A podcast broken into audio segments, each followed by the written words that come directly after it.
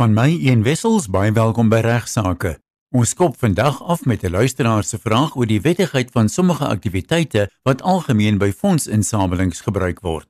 Môre Igna. Goeiemôre Ian, goeiemôre aan al die luisteraars. Dankie vir die voorreg om weer met julle te kan gesels. Altyd vir my werklik 'n groot voorreg en ek hoop dat die vandag se program ook saam met ons gaan geniet. Ek het 'n navraag ontvang van 'n uh, dominee wat sê dat een van sy ouderlinge het vir hom gesê dat hierdie tombola wat hulle by die kerkbazaar hou en so ook die boontjies wat hulle moet draai, hoeveel boontjies in 'n bottel is, dat dit dalk onwettig is en dalk kan beskou word as 'n lotery wat nie binne die raamwerk van die wet is nie. En ek het ook so 'n klompie maande terug 'n ander navraag ontvang van 'n skool wat 'n kar wil uitloot as 'n prys vir fondsinsameling. Nou dink sonder twyfel sal elke luisteraar weet van advertensies wat hulle gesien het oor kompetisies en baie gereeld wen 'n bootreis na Mauritius toe, wen 'n gratis vakansie, SMS net wen na hierdie nommer toe en jy kan een van 10 wenners wees wat deel in 'n miljoen rand se pryse of wat ek nogal of gooi jou strokie in die boks en staan die kans om 'n motor te wen is by die slaghuis of waar ook nogal. Daar's daagliks advertensies op TV, radio, koerante oor talryke kompetisies. Iemand het ook 'n vraag ingestuur waar ons sê vra is al hierdie kompetisies aanwettig? En is dit nie maar net selfverryking nie is dit nie maar net mense wat wil geld maak as jy geld maak skemas nie Uh mense kan hierdie kompetisies in verskeie kategorieë laat val en ek het vir Esmerie McKelle en Alicia Kusek, Esmerie se prokureur en Alicia as 'n nuwe jong kandidaat prokureur by ons gevra om bietjie vir my hierdie kwessie behoorlik te ondersoek. Ek dink dit sal vir my en ook vir die almal interessant wees om te weet wanneer is dit nou geldig en wanneer is dit nie geldig nie. Nou daar's verskillende kategorieë wat deur verskillende tipe wette gereguleer word. Kom ons kyk eers na die gewone promosie kompetisies. Dis die eerste moontlike kategorie In die verlede was dit gereguleer deur die Nasionale Loterywet, maar van April 2011 word dit deur die Verbruikerswet gereguleer. Dis die gewone promosies. Die Nasionale Loterykommissie is egter steeds verantwoordelik om ook promosie kompetisies te monitor. Nou, wat is 'n promosie kompetisie? Die Verbruikerswet definieer 'n promosie kompetisie as enige kompetisie, 'n speletjie, 'n skema, 'n reëling, 'n stelsel, 'n plan of 'n toestel wat pryse uitdeel op grond van kans. Dit is so indien dit gedoen word in die normale loop van besigheid met die doel om 'n produk, 'n vervaardiger, 'n verskaffer of 'n organisasie te bemark. Is deel van bemarking.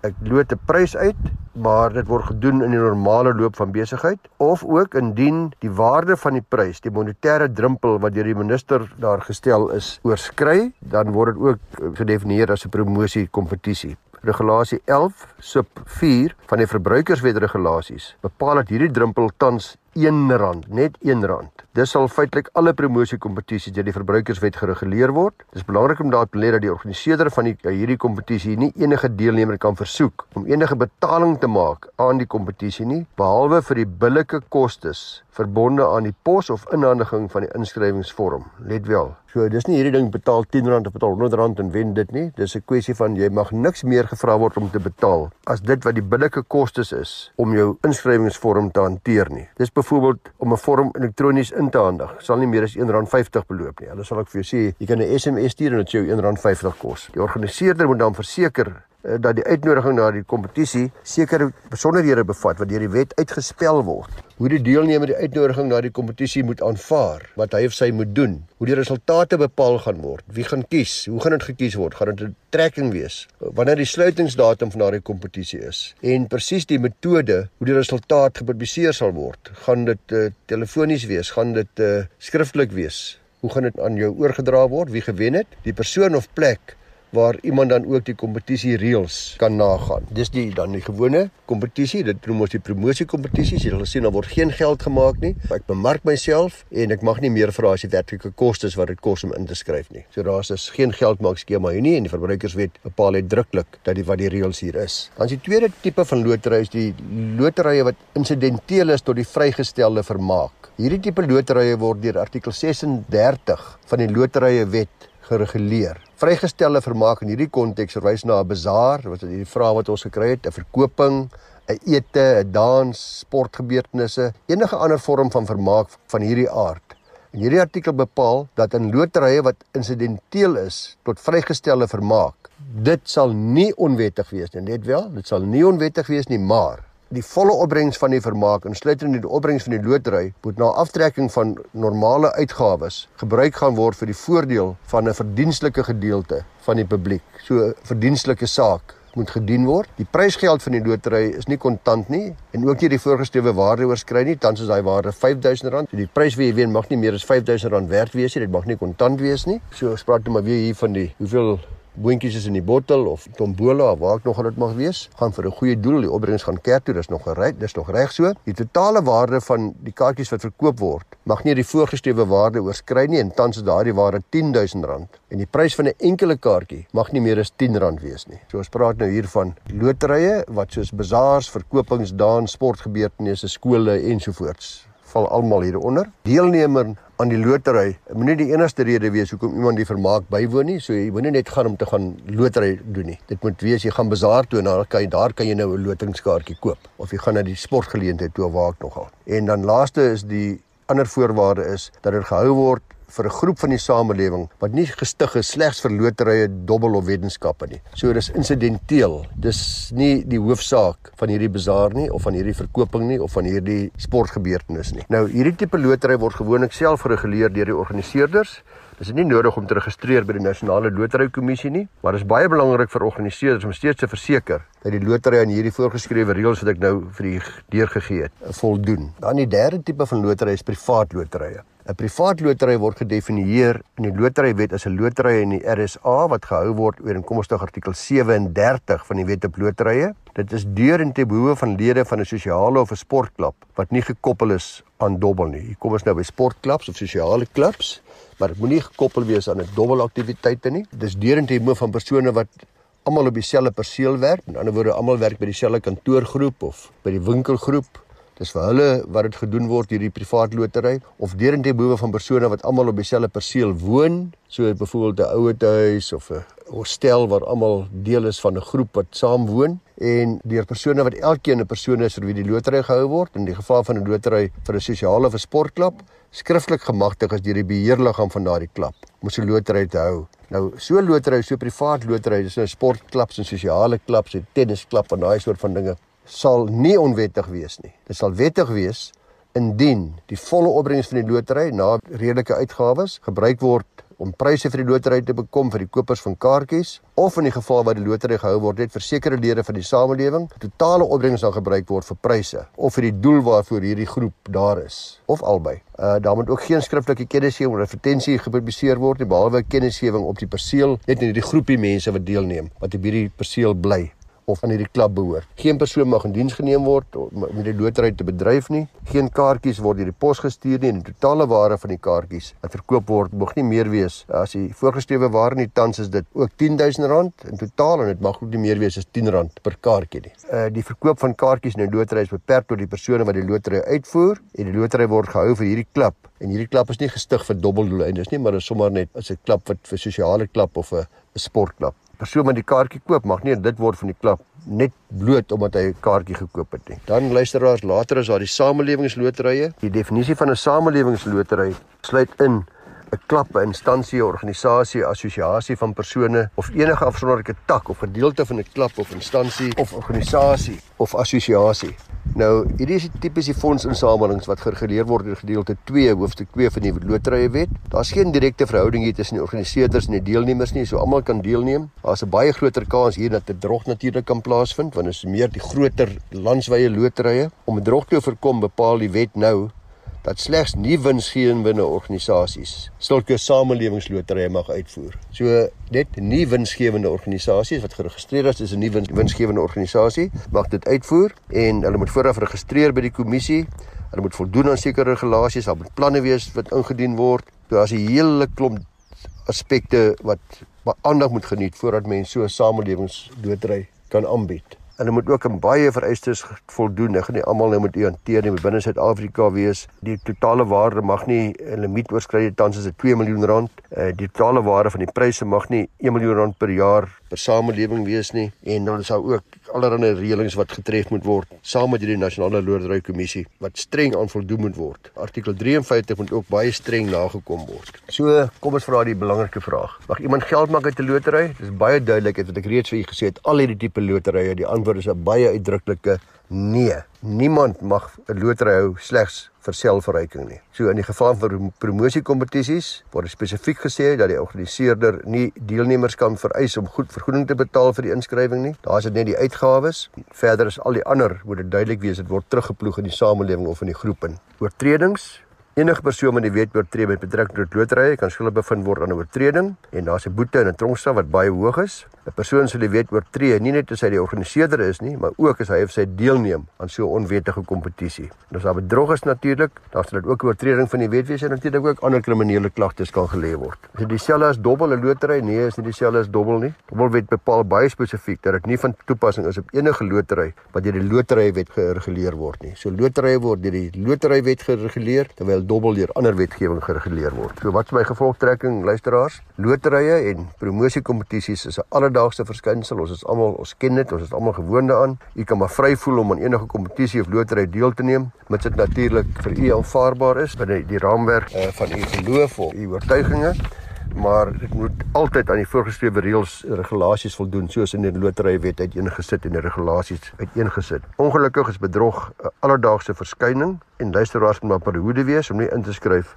vir onwettige kompetisies nie. Indien daar enige onsekerheid is oor 'n kompetisie vir lotery, kan die gerus die nasionale lotery kommissie uh, skakel. Jy kan ook enige vermoedelike bedrog by hulle rapporteer. Hulle sal dit ondersoek en hulle kan jy net gaan kyk. Gaan maar net na die internet toe en sit NLCSA en vir Nico dan lcsa.org.za en lcsa.org.za. Jy kan ook hulle tolvrye nommer skakel by 08600 800. Ek het veel vertel van ons tydskrif van die Prokureursorde van Suid-Afrika met die naam van Die Reibus, 'n baie baie goeie tydskrif en mense wat belangstel kan gerus Die Reibus gaan kyk op die internet en jy kan ook inskryf as jy die tydskrif wil ontvang, is ook digitaal beskikbaar.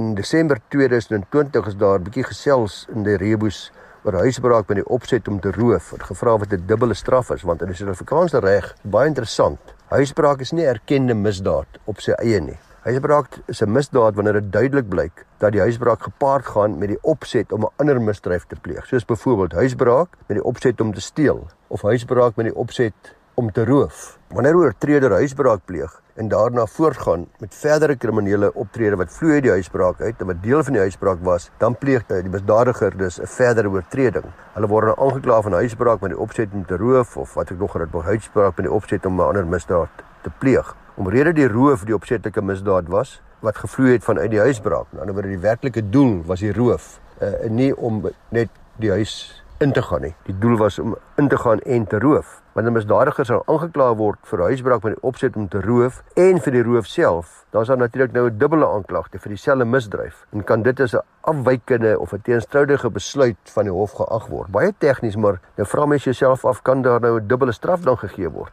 Dit kan dan as duplisering van die skuldbevinding en strawwe geag word. Nou alhoewel huisbraak luisteraars met opset om te roof en roof twee verskillende misdade is, kan hulle nie afsonderlik gestraf word by vonnisoplegging nie. En wese kom huisbraak met die opset om te roof dus neer op 'n enkele kriminele optrede. Al bestaan dit uit wat ek en u dalk nou sien as twee misdade. Eerstens die huisbraak en dan tweedens die roof. Die duplisering van skuldbevindings en vonnisoplegging lei gedurig tot appelprosesse. Mense voel dat hulle dubbel gestraf is vir dieselfde misdaad dan kan hulle appel aanteken en so 'n voorbeeld het onlangs gedien vir die Hooggeregshof van Kaapstad in Bam versus S 'n 2020 4 saak aan die Wes-Kaap. In hierdie saak het die beskuldigde gedurende Januarie 2016 by huis ingebreek en die huisbewoner beroof van sy televisie asook selfoon asook kontant. Die beskuldigde het toe onskuldig gepleit, maar na afloop van die verhoor het die hof die beskuldigde skuldig bevind. Hy was 7 jaar tronkstraf gevorderd vir die huisbraak en 15 jaar vir die roof. Die hof het beveel dat die twee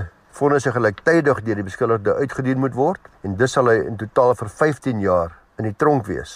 Hy het appel aangeteken en op appel het die Hooggeregshof bevind dat die hof 'n fout gemaak het. Dat daar 'n duplisering van skuldbevinding en strawwe plase vind het. Die hof het foutieflik die beskuldigde twee maal gestraf vir 'n misdaad wat in wese dis net as een misdryf geag moet word. So die Hooggeregshof het die nuwe vonnis gegee en die misdadiger gestraf met 12 jaar tronkstraf vir huisbraak met die opset om te roof. So wat die gevolgtrekking luisteraars? Die gevolgtrekking is dat huisbraak strafbaar is wanneer dit gepaard gaan met 'n ander kriminele oortreding soos byvoorbeeld huisbraak met die opset om te roof, maar dat dit nie afsonderlik gestraf gaan word nie. Dit sal altyd net gestraf word as een misdryf ten einde duplisering van strawwe te voorkom. In deel 2 van vandag se regsaake bespreek Ignas 'n kwessie waaroor baie tuiste skeppers bekommerd is. Ja, luisteraars, ek het 'n skrywe ontvang van 'n van dame, ek gaan haar regte besonderhede noem nie, alhoewel sy nie vra om anoniem te bly nie. Kom ons noem haar Madeleine. Sy sê sy is buitegemeenskap van goedere getroud al Februarie 84.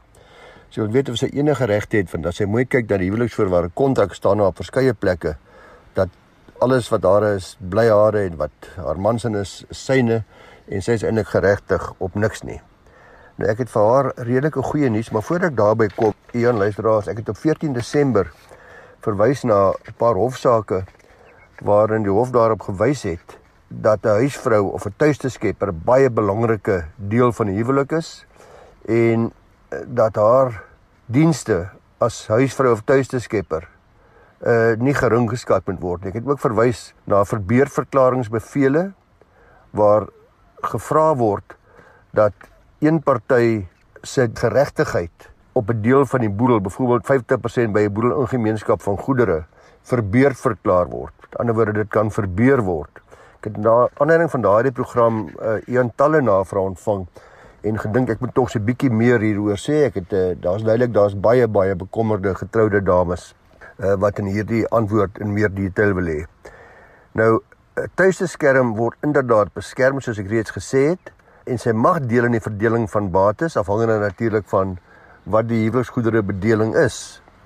Tydens egskeidings geskied die ontbinding van die huwelik by wyse van die partye se huweliksgoedere bedeling. En daar is 'n eis wat een gade teen die ander kan instel wat bekend staan as 'n verbeurd verklaringseis. Dit het uh, die bekommernis by baie dames of die vrae by baie laat ontstaan. Hiermee vra die een gade dan dat die ander gade sy of haar eis in terme van die egskeiding moet verbeur omrede dit 'n onregverdige voordeel sal behels. Dit is artikel 9 se artikel 1 van die egskeidingswetgewing. Nou hierdie verbeurverklaring fokus meestal luisteraars op een gade se eis ten aansien van die deel van die ander gade, byvoorbeeld sy pensioenfonds of die aanwas eis. Dit gebeur ook soms dat een gade versoek dat die ander gade sy of haar eis verbeur ten aansien van die hele gemeenskaplike boedel waar hulle getroud is binne gemeenskap van goedere. En dis gewoonlik by ingemeenskap van goedere waar die meeste eise ontstaan en soos ek sê by die aanwasbedeling. Nou hierdie sal wel van geval tot geval verskil, maar baie maal ook natuurlik word verbeurverklaring gevra as gevolg van wesenlike wangedrag. Dis een van die belangrikste oorwegings wat die hof gaan in ag neem om te bepaal of die een party 'n sekere deel van sy of haar geregtigheid moet verbeur. By ons kry byvoorbeeld dikwels dat by kort huwelike, aan die ander woorde die man en vrou is getroud en 3 maande daarna word hulle geskei en die vrou is 30 jaar jonger as die man en daar word eintlik gedink dat sy niks bygedra het oor die gemeenskaplike boedel nie. Die ou is 20 miljoen rand sterk, dit was 'n 10 miljoen rand hê. In daardie geval is daar 'n uitstekende kans dat sy haar gedeelte van die huwelik binne gemeenskap van goedere gaan verbeur. So ons wil beskerm die tuiste skepper ook wat 'n verbeurverklaring in die gesig staar. Uh want baie keer sien jy dat daar net gefokus word op die feit dat die tuiste skepper geen finansiële bydrae gemaak het nie. En dis nou hier waar ons luisteraars meer raad wil hê. Ons howe het in verskeie aangeleenthede bevestig dat die rol van 'n tradisionele tuiste skepper nie gering geskat moet word nie. Alhoewel sy nie finansiëel bygedra het nie, het hulle wel toegesien tot die grootmaak van die kinders, die versorging van die huisgesin dit vir die man moontlik gemaak om sy beroep te beoefen ensovoorts ensovoorts. En net omdat hierdie dade uh, van die tuiste skepper nie in geld gemeet kan word nie, beteken nie dat sy nie 'n bydrae gelewer het nie. So die hof het bevestig in baie sake dat hierdie tuiste skepper en moeder wat uh, gehelp het met al hierdie kinders se versorging en grootmaak, uh, dat dit wel 'n substansiële bydrae gelewer het en dat sy geregtig moet wees tot die verdeling van die bates. Soos per die partye se doodsgoedere bedeling en dat die man nie geregtig is om te sê want sy het niks gedoen nie ek het alles gedoen en daarom moet 'n deel van haar gelde verbeurd verklaar word. Veral nou by huwelik binne gemeenskap van goedere of by die aanwasbedeling die tuisterskepper sal ook dikwels 'n onderhoudseis teen die werkende gade kan indien waar sy kan bewys dat sy finansiëel afhanklik was ten tye van die egskeiding eh, van die uh, werkende inkomste verdienende gade. So luisteraars ja, tuisteskepers staan op gelyke voet met die werkende gade en sal dus dikwels beskerming geniet. Nou Daleen se vraagie oor haar huwelik buitegemeenskap van goed sonder die aanwas wat aangegaan was voor in November 1984. Nou gevolge die Wet op huweliksgoedere artikel 7 subartikel 3 is daar vir hierdie mense, dit is nou mense wat let wel voor November 84 getroud is, in huwelik getree het, is daar wel beskerming. Van daardie datum af kon hulle die aanwasbedeling kies. Voor daardie datum was die aanwasbedeling nie vir ons as ouer getroude pare beskikbaar nie en daarom het artikel 7 se artikel 3 voorgegaan om beskerming vir hierdie mense te verleen wat nie die keuse van 'n aanwasbedeling gehad het nie. En hierdie dit beteken basies maar dat so 'n dame soos byvoorbeeld sê net maar sy was 'n tuisteskepper en die man het uh, al die bates bymekaar gemaak. Dit gebeur baie dikwels. As die huis gekoop word en die kar gekoop word en die vakansiehuis, dan word alles maar in die man se naam geplaas en dan by egskeiding kom die vrou skielik met 'n groot skok agter. Daar's niks in haar naam nie en dan dryf die man ook dat sy gaan niks kry nie en sy is nie geregtig op iets nie.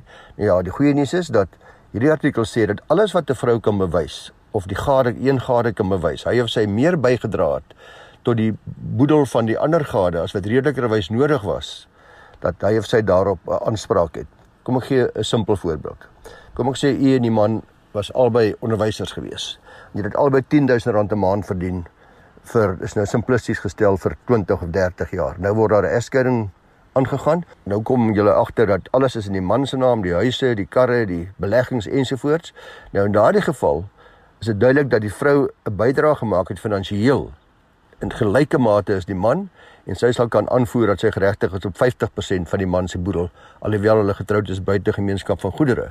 Maar as hy slegs 'n tuiste skepper was en kinders grootgemaak het ensovoorts soos ek soos ek reeds nou gesê het, dan sal sy ook geregtig wees op 'n deel van die man se boedel as sy nou niks in haar naam het nie en ons hoef dit al by herhaling gekom by 'n bedrag van ongeveer 'n derde van die totale boedel waarop sy geregtig sal wees. Ons hoef hou, hou aan om te sê dat hulle nie die Engelse reg wat die derde beginsel geld oorgeneem nie, maar tog is dit normaalweg 'n goeie raai om te sê dat so tussen 25 en 40% van die bates dikwels 'n vrou wat baie lank getroud was en haar deel gedoen het in die huwelik sal toekom. So dankie Daleen vir hierdie vraag van jou en ek vertrou dat dit gee nou baie meer gemoedsrus vir die ouer getroude pare soos ek en baie van u wat luister uh, wat getroud was voor 1 November 1984 en maar die huwelik dan tot 'n einde kom. Baie dankie Ignas. Stuur jou regsvrae na igna@ffd.co.za. Ek hoop jy kan volgende week weer by ons aansluit.